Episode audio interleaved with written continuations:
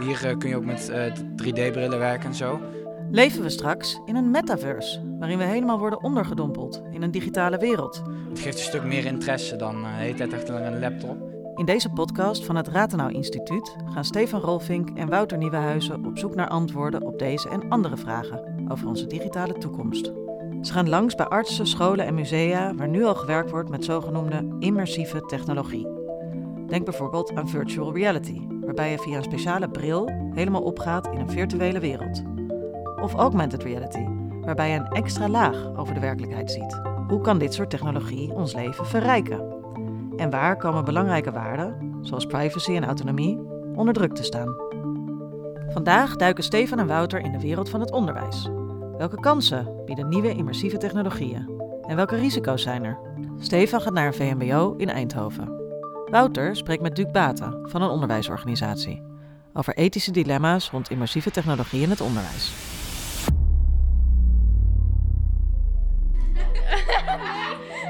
In uh, eh, VR zijn we een uh, kleren aan het ontwerpen. En dan krijg je zo'n wereld te zien en dan kan je je verschillende paspoppen bedenken. En nu ben ik zeg maar bezig met een uh, bruidsjurk te maken. Nou, ik hou uh, heel erg van uh, nieuwe technieken en zo. Uh, ja, gewoon de wereld een beetje anders maken. Oh, ja. ik moet even een player zoeken. Oh ja, ik zie niks. We zijn op het Sint-Lucas in Eindhoven. Dit lokaal ziet eruit als ieder ander lokaal op school. Maar bij docent Ruben Rump krijgen de leerlingen een blik op een andere wereld. VMBO 3 gaat aan de slag met de VR-bril. Dat is een bril waarmee je helemaal omringt met een virtuele wereld. Je ziet eh, de meiden bezig met VR. Ja, ik wil ICT praktisch maken. En zij gaan VR gebruiken zeg maar, om hun wereld zeg maar, inzichtelijk te maken. Dus we gebruiken het programma CoSpaces. Daarmee kun je werelden bouwen. En zij maken de wereld van de wereld waar ze graag in willen werken eigenlijk. Dus je hebt bijvoorbeeld kinderen die willen later eh, richting voeding en natuur. Nou, dan gaan zij de wereld van de voeding en natuur nabouwen met plantjes en dingen. En ik zal je straks ook wat dingetjes laten zien. En de andere kinderen die gaan straks tekenen, die gaan in multibrush tekenen. En daar kan je eigenlijk ja, mooie designs maken in VR. Dus je, je kan er, ja, dat is echt het voordeel van de VR. Ja, je kan echt om je ontwerp heen lopen, dus je kan echt de, de diepte zien. En we zijn een hele creatieve school, dus we hebben tekenen bijvoorbeeld, schilderen, maar ook veel op Illustrator. En we willen met die VR-brillen dat ze natuurlijk ook wat ja, meer immersief gaan, gaan ontwerpen. Immersief ontwerpen betekent dus dat de leerlingen in staat zijn om driedimensionaal te denken als ze kunst maken, een game of een eigen wereld. Aan Stefan leggen ze uit wat ze maken. Ik ben Olivier, ik ben uh, eh, 15 jaar oud. Hier uh, kun je ook met uh, eh, 3D-brillen werken en zo. Het geeft een stuk meer interesse dan de hele tijd achter een laptop. Het leukste wat ik nu, tot nu toe in deze tijd heb gedaan, denk ik toch mijn 3D-wereld van CoSpaces. Je mocht zelf een wereld verzinnen wat er in de toekomst zou gebeuren, de metaverse. En dan kon jij bedenken wat is een verbetering, wat kan er bij de toekomst komen. En uh, daar heb ik een eigen wereld gebouwd. En dan kun je dan in een 3D-bril, wat we nu ook aan het doen zijn, kun je dan ontdekken. Zou je die willen laten zien? Mijn vriend kan hem laten zien. Ik ben uh, Geert de Koning en ik ben 15 jaar. Ik heb een wereld gemaakt in CoSpaces. En daar uh, begin je met een wereld en die is helemaal leeg. En dan kun je er van alles inzetten, zoals gebouwen en andere dingen. En als je dan bijvoorbeeld een auto wil laten rijden of zo, moet je met codes kun je dan een pad maken en dan kun je hem overheen laten rijden. Dus, en wat heb je tot nu toe gemaakt? Ja, en uh, was de opdracht was uh, iets wat je wou doen met uh, in de toekomst. Dus ik heb daar allemaal drones die pakketjes bezorgen gemaakt. Even zo. En die vliegen dus ook door de lucht. De leerlingen raken dankzij hun enthousiaste docent Ruben Rump vertrouwd met de techniek. En dat leidt ook tot didactisch succes, denkt hij. Ze kunnen zichzelf veel meer onderdompelen in verschillende objecten. Ze kunnen meer in een object gaan zitten, het uitzoomen, er omheen gaan lopen. Bijvoorbeeld met het programma, dat Anatomy VR, dan kunnen ze dus een lichaam pakken en dan kunnen ze heel langzaam uitpakken. Ze kunnen inzoomen, ze kunnen de tandjes uithalen, ze zien de zenuwen eronder lopen.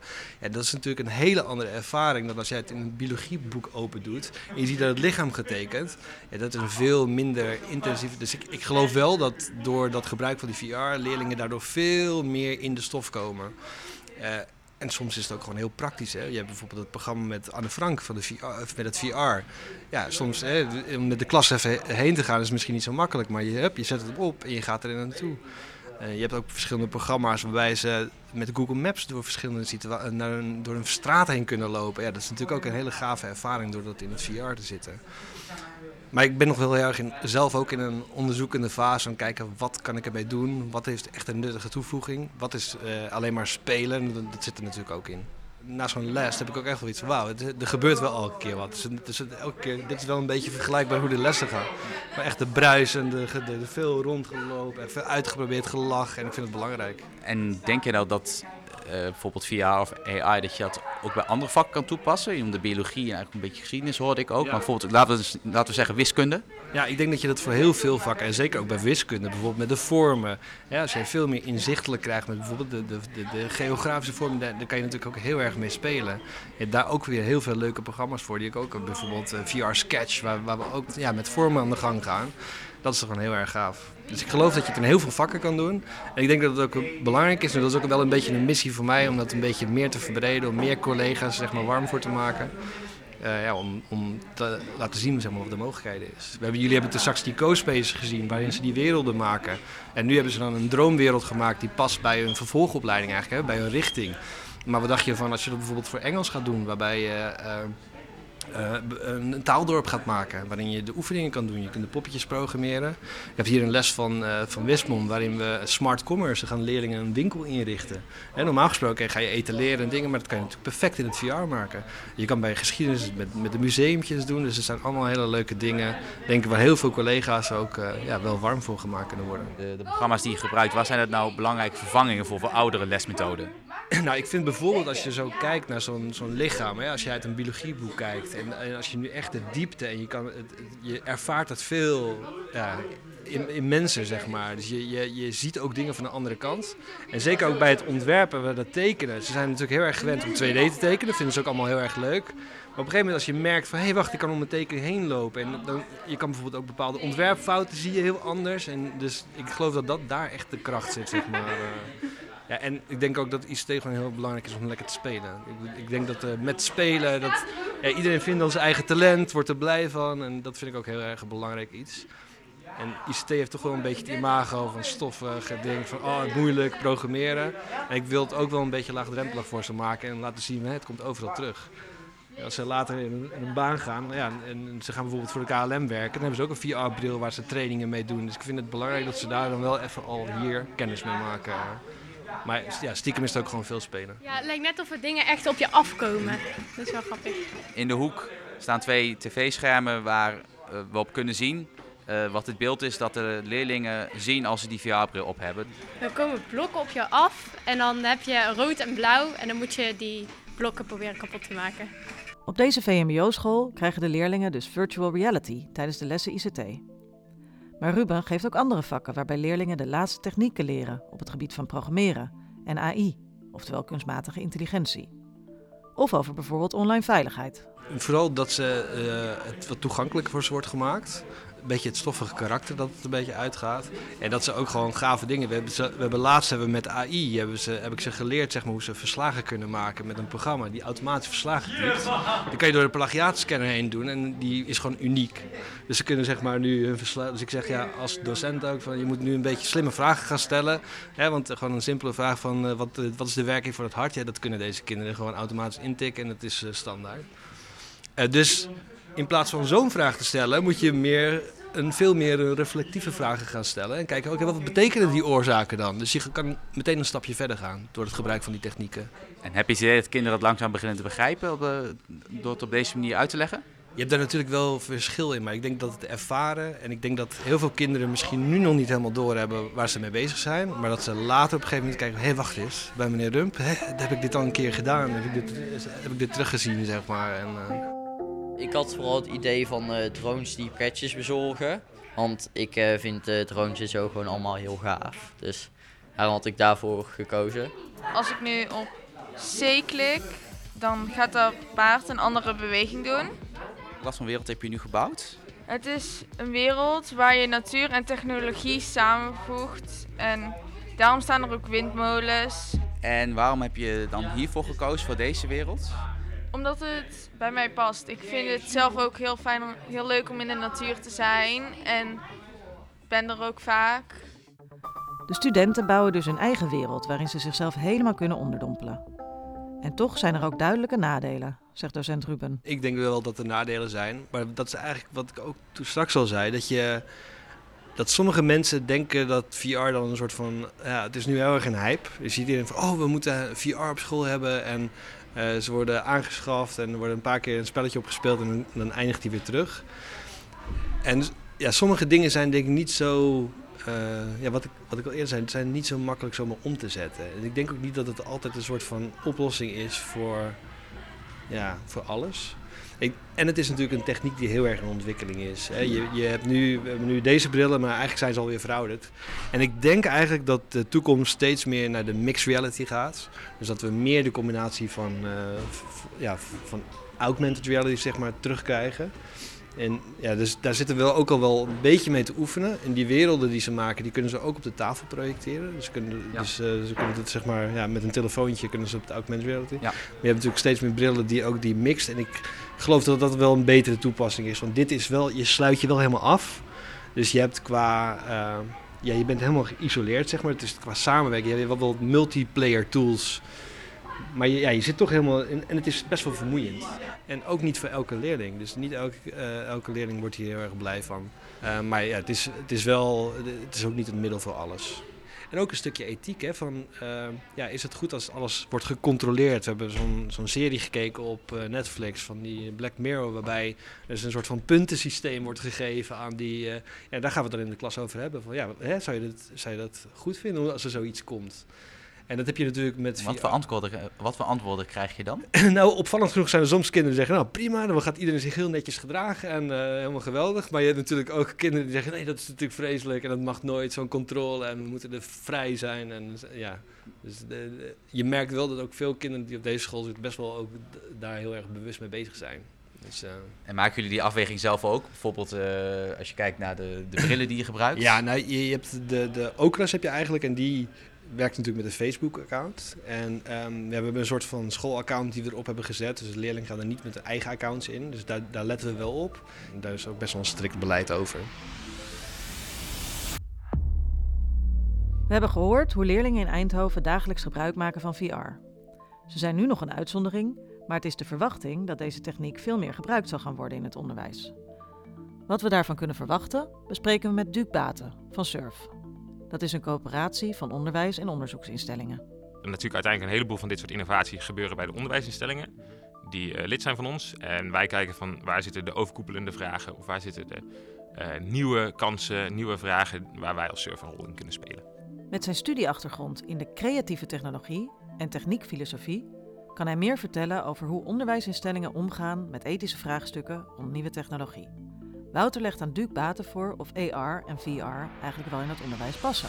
Sinds nou, denk een jaar of anderhalf hebben wij de waardewijzer gepubliceerd. Daarin uh, hebben we eigenlijk gezegd, nou, als je kijkt naar het onderwijs en digitale tools in het onderwijs, dan zijn eh, autonomie, rechtvaardigheid en menselijkheid drie nou, centrale waarden voor wat wij in Nederland als publiek onderwijs zien. Mm -hmm. En dat kan bijvoorbeeld zijn dat uh, in zo'n uh, virtuele space mensen uh, meer of juist minder persoonlijke autonomie hebben als, als nou ja, individuele student of gebruiker. Mm -hmm. um, maar je kan het ook hebben over rechtvaardigheid. Hè. Dan heb je het over dingen als inclusiviteit. En dat is zeker in het onderwijs belangrijk, omdat je dan toch met een een heel erg vormend onderdeel van onze maatschappij bezig bent. En dat zijn potentieel hele kwetsbare mensen. Uh, omdat die nog echt aan, in, nou ja, in hun eigen ontwikkeling bezig zijn. Mm -hmm. En je noemde ook menselijkheid. Ja. Is, is XR menselijk? Dat vind, ik, dat vind ik een goede vraag. Wel erg lastig. Ik denk dat XR in zijn beste vorm de kans creëert voor mensen om zichzelf uh, meer en beter te uiten. Maar ook echt wel grote risico's meeneemt bij deze waarden. Mm -hmm. En uh, je kan je voorstellen dat zo'n virtuele omgeving daar eigenlijk best wel een rol in kan spelen. Mensen bij elkaar kan brengen, mensen kan helpen met hun verbeelding. Uh, tegelijkertijd zie je ook dat we al in de gewone omgeving moeite hebben met omgaan met ongewenst gedrag, met uh, vragen rondom inclusiviteit. En in die digitale omgeving wordt dat eigenlijk alleen maar lastiger. Dus hè, uh, um, je ziet dat al in, in Twitter, hoeveel discussies we daar hebben in het virtuele over omgangsvormen, wel of niet gepaste berichtjes naar elkaar sturen. Mm -hmm. En in zo'n virtuele omgeving heb je dus nog het risico dat je er ook nog eens een keer moeilijker van wegkomt, omdat het zo immer immersief is. Mm -hmm. En daardoor ook eigenlijk nog meer jou zelf als mens eh, kan raken. Ja, en, en zijn er ook voorbeelden van in het onderwijs hoe dat, hoe dat mis kan gaan?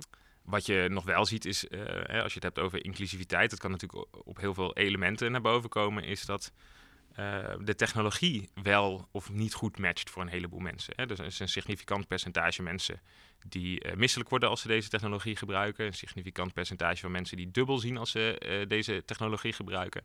Eh, die betrek je allemaal eigenlijk al niet. Eh, eh, wat iets doet met hun rol binnen bijvoorbeeld een klassetting. Ja. Ehm, en dat kan zelfs zo gaan. ehm, eh, vorige week hebben we een eh ronde tafelgesprek gehad. En daar kwam iemand met het voorbeeld dat als je een digitaal nagebouwde ruimte hebt en jij doet je XR, VR headset op, Mhm.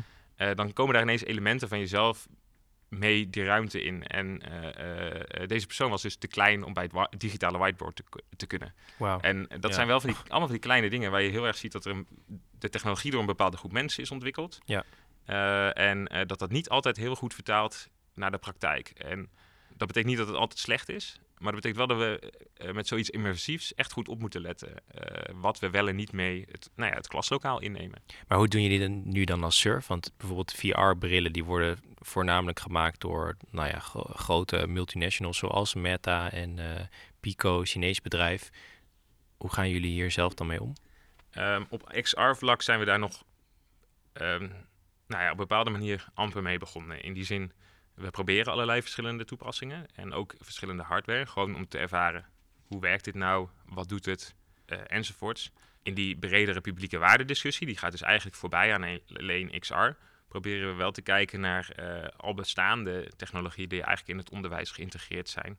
Om te kijken, hoe kunnen we ons verhouden tot grote techpartijen. En het lastige daarbij is dat je aan de ene kant wil je meer, Ehm, eh, maar dat, dat, dat heeft, eh, dat het heeft ook altijd consequenties. Dus als jij eh, heel graag zegt van nou, we willen XR, maar we willen geen Facebook, Ja. dan betekent dat best wel veel voor wat je wel en niet kan.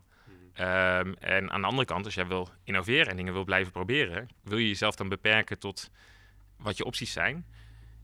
Al die vragen zijn eigenlijk nog onbeantwoord. En we proberen die, nou ja, met onze leden proberen we dat gesprek te voeren. Ja. Maar het is, ja, het is gewoon een heel lastig gesprek. Scholen willen dus graag innoveren en gebruik maken van de educatieve mogelijkheden die AR en VR bieden. Maar ze worstelen ook met de vraag hoe ze moeten omgaan met het huidige aanbod van een beperkt aantal commerciële aanbieders. Eh, nou, dat gaat dan vooral om, om soevereiniteit en macht. Dus het feit Ja. dat zij eh, volledig vanaf één partij afhankelijk zijn. Ja. Dat is één, een financieel risico. Je hebt Mhm. weinig controle. Een van de zorgen is dat je geen goed alternatief hebt. En dan werkt het idee van een vrije markt niet meer. Mhm. Want dan kan je niet zeggen, eh, wij zijn het niet eens met de waarde van dit bedrijf, dus we gebruiken het niet. Want er is geen alternatief. We hebben daar denk ik nog niet eens de antwoorden op. Maar we zijn er eh, gedreven door onze leden en met onze leden eh, druk mee bezig. Tegelijkertijd rekening houden met ook hun realiteit. Dat zij een onderwijsinstelling te runnen hebben. En dat kan niet alleen op principes. Ja, dus het is sowieso al niet 100% publiek eigenlijk. Nee, nee, nee, nee, zeker niet. En dat is ook, denk ik, ook helemaal niet erg hoor. Want er zijn gewoon heel veel producten die door bedrijven worden ontwikkeld die hartstikke goed werken. Mhm. Het probleem zit hem vooral in als jij niet meer eigenlijk die keuzevrijheid kwijtraakt. Omdat je in een- in een vendor lock-in zit. Of omdat je Want de vendor lock-in is eigenlijk als je gewoon geen kant op kan. Ja. Er is maar één aanbieder. Er is geen alternatief of Geen geen, alternatief. realistisch alternatief. Ja. Daarbij komend heb je natuurlijk specifieke uitdagingen voor nieuwe technologieën die onafhankelijk zijn van de keuzes die je maakt. Hè. Dus, dus er zijn gewoon problemen met privacy, met data, met eh, de invloed die het hebt, heeft op mensen. Dat zijn gewoon allemaal vragen die we linksom of rechtsom voor XR en de metaverse moeten gaan beantwoorden. Ja. Eh, of het nou door de ene bedrijf of door het andere bedrijf aangeboden wordt. Identity management is echt een van de belangrijkste dingen die je kan hebben als het gaat om vend- vendor lock-in en Mhm. eh, controle over dit soort technologieën. Omdat het betekent dat je controle hebt over de identiteit waarmee mensen inloggen. Dus stel dat jij als school eh, systemen wil gebruiken, kan het nu zijn dat je daar zo'n eh, account voor nodig hebt wat je bij Meta aan moet maken. Mhm. Dat betekent twee dingen. Eén, je dwingt je scholieren om een account aan, aan te maken bij een bedrijf waar ze dat misschien helemaal niet willen. Dus mensen gaan er een beetje omheen door nep-accounts aan te maken. Eh, misschien komen er of zijn er al corporate accounts. Dat zijn allemaal discussies. En factor 2, over die accounts heb je zelf bijzonder weinig controle. Een van de dingen waar we denk ik als Surf trots op zijn, die wij doen, is Surf Connects. Dat is een nou ja, federatieve identiteit. En wat dat betekent is dat je eigenlijk altijd met je identiteit van een instelling, dus nou, dat kan de Hogeschool Utrecht zijn bijvoorbeeld, Mhm.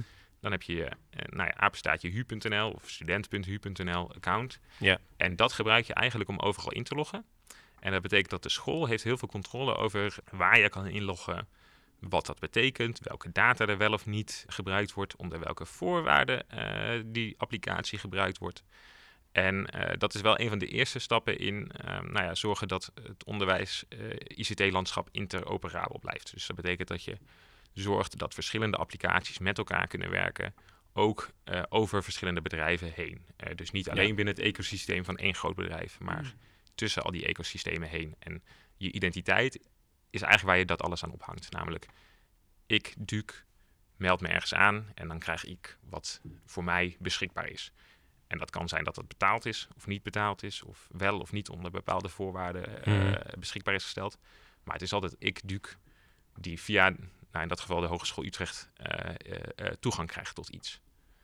En dat is denk ik, ja, nou, kort het belang, het belang van identity management, maar het is eigenlijk een, nou ja, een eerste stap richting het, nou ja, het koppelen aan, van die ecosystemen en applicaties aan elkaar in een Ja. manier dat we er zelf ja, regie of controle over houden. Ja, ja, want we hebben als Rater Instituut ook eerder een eh, manifest ehm, Ja. gepubliceerd met tien ontwerpeisen voor de digitale samenleving van morgen. Eh, en één daarvan is bijvoorbeeld ook, we willen dat publieke ruimtes publiek blijven. Ja, precies. Ja. En dat raakt hier ook wel heel erg aan. Eigenlijk ons, ja, de, onze onderwijsinstellingen, publieke instellingen waar we trots op zijn, hoe houden we die publiek? We, we zien allemaal dat er iets wrijft. We hebben nog niet de oplossingen. Misschien zijn de oplossingen ook gewoon niet zo makkelijk. En betekent ook dat we bepaalde dingen moeten eh, slikken. Als in eh, moeten accepteren dat die niet gaan zoals we, of zoals we dat idealiter zouden willen. Eh, veel van dit soort toepassingen werken gewoon heel goed. Ja, ben jij bereid om af te stappen van je supermooi werkende oplossing om dan weer al het moeilijke van het oude weer terug te krijgen? Ja, dat zijn toch eh, ehm, moeilijke vragen uiteindelijk. En omdat wij het, alleen het MBO, het HBO en het WO hebben, dat zijn natuurlijk onderwijsgroepen waar eh, ehm, nou ja, jeugd instroomt vanuit eh, de, de onderwijslagen daarvoor. Ja. En ook die nemen verwachtingen mee en ideeën over hoe de wereld werkt. Als dan nu iedereen bijvoorbeeld op TikTok zit, ja, wat, wat betekent dat straks voor hun verwachtingen van het onderwijs als zij 18 zijn en in de collegebanken zitten? Ik denk dat alleen al eh, de, de hapsnapheid van, eh, van, van, van, van content, van filmpjes, van informatie is enorm veel groter geworden. Het is eh, enorm versnipperd. Hè? Er zijn Ja. filmpjes van een aantal seconden. Terwijl we vroeger eh, colleges van twee uur eh, moesten uitzitten of op filmpjes terugkijken. Mhm. En dat was dan al innovatief. Dus je ziet nu ook steeds vaker die kennisclips terugkomen in het onderwijs. Eigenlijk kortere onderwijsfragmenten waarin je eigenlijk in één filmpje van, nou, laten we zeggen, vijf minuten één concept uitlegt. En dan kan je ook makkelijker teru- terugkijken welk concept je nog niet helemaal snapt, bijvoorbeeld. En dus dat is ook niet allemaal ter slechte. Hè? Dit, ik bedoel, die kennisclips, ik heb ze zelf nooit gehad, maar eh, dat klinkt mij op zich niet zo verkeerd in de oren. Mhm. Eh, dus je ziet wel dat dit soort veranderingen zijn ook niet altijd slecht in het onderwijs. Maar zeker als het zoveel technologie met zich meeneemt van bijvoorbeeld nou ja, grote bedrijven, misschien niet eh, eh, bedrijven die er andere waarden op nahouden, Mhm. andere gedachten over hoe de democratie zou horen te werken, eh, Ja. is het best wel een beladen politieke vraag. We hebben het gehad eerder over die drie waarden die jullie belangrijk vinden. Hè? Autonomie, menselijkheid en rechtvaardigheid. Kun je misschien wat specifieker ingaan op wat dat dan voor XR zou betekenen? Ehm, als je zoiets neemt als bijvoorbeeld privacy, nou ja, dan is dat bij XR is dat iets wat weer nog een slag invasiever is dan we al gewend zijn van eh, technologie. Eh, er zijn een heleboel headsets die gebruiken eye tracking Mhm. om eh, nou, deels functionele elementen van hun omgeving. Maar als je ziet wat men met, die, eh, eh, met dat eye tracking kan doen en wat men uit mensen kan halen, dat is echt eh, angstaanjagend op sommige vlakken. Ja, wa- wat dan? omdat onze ogen zo onbewust bezig zijn, kan men zien nou ja, waar men in geïnteresseerd is, eh, waar men mee bezig is. Men kan zelfs ehm, eh, handelen op, op fracties van seconden al voorspellen. En eh, dat kan in de marketing super relevant zijn. Hè? Je kan Ja. je een virtuele supermarkt voorstellen en je kan met eye tracking zien waar wil je je product in het schap hebben of, we- of is mijn huidige design van mijn pak melk, trekt dat de aandacht of niet?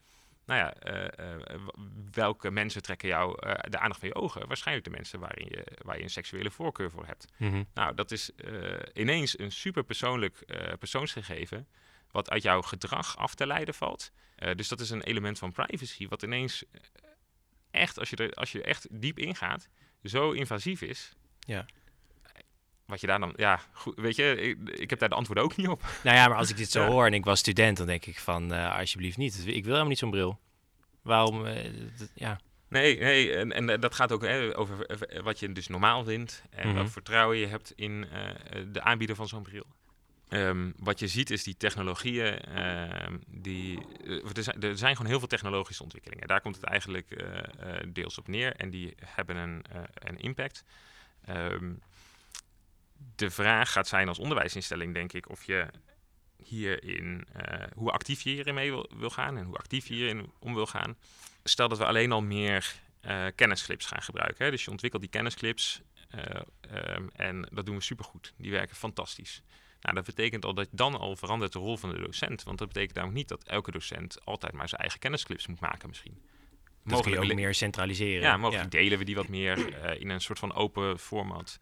Ehm, eh, en dat betekent eigenlijk al dat de rol van, je, van jou als docent iets verandert. Namelijk in plaats van een, een orator van eh, elementen naar iemand die eh, elementen selecteert. Ik ben benieuwd, heb jij ook een XR-droom voor het onderwijs? Iets waarvan je denkt, daar zou het nou naartoe moeten gaan? Of dat zou wel heel mooi zijn? Als ik een droom zou hebben op dit vlak, dat de droom een beetje gelijkend zou zijn aan hoe we in de opkomst van, van ICT-technologie ook bezig waren. Ik kan me nog mijn informatica-lessen op de middelbare school voorstellen, waarin je eigenlijk vooral aan het klooien was met de technologie en daar veel van leerde en dingen probeerde en dacht, wow, kan dit ook en hoe werkt dat dan? En erin probeert te duiken. Echt spelen met die Eh, technologie. Ja, spelen. En, eh, eh, en uiteindelijk ja, wek je daar een bepaalde mate van nieuwsgierigheid mee op. Je krijgt een, een gevoel voor hoe die systemen werken. Mijn, mijn droom over XR, voor zover ik me er een droom kan voorstellen, zou in ieder geval dat soort elementen erin hebben. En dat betekent, denk ik, heeft dat als gevolg ook dat je bepaalde elementen dus nou, niet zozeer publiek, maar in ieder geval open wil hebben. Zodat er mee te spelen valt. Ehm, want je ziet nu, al die eh, hardware bijvoorbeeld is toch vaak eigendom van bedrijven. Daar kan je zelf niet zo wat mee. Het wordt toch net zoals je iPhone die je eigenlijk moet eh, jailbreken als je er eh, iets eh, meer mee wil doen dan Apple je laat eh, doen. Mhm. Dat lijkt mij wel gaaf. Maar goed, dat maakt alleen maar de vragen rondom eh, andere dingen zoals ongewenst gedrag groter. Want je hebt dus mi- minder co- controle over zo'n ecosysteem. Ehm, ja, dat is mijn droom nu even. We hebben in deze aflevering gehoord dat immersieve technologie in het onderwijs veel kansen biedt. Maar dat er bij gebruikers nog veel vragen leven over een verantwoorde toepassing. Dit sluit aan bij de resultaten uit een recent onderzoek van het Ratenau Instituut naar digitaal onderwijs. Ook de komende jaren doen we onderzoek naar verantwoord digitaal opgroeien. Tot zover de onderdompeling in het onderwijs. De zoektocht van Wouter en Stefan naar een verantwoord gebruik van immersieve technologie gaat door. Luister ook naar de volgende aflevering, die draait om nieuwe manieren van ondernemen en geld verdienen met immersieve technologie.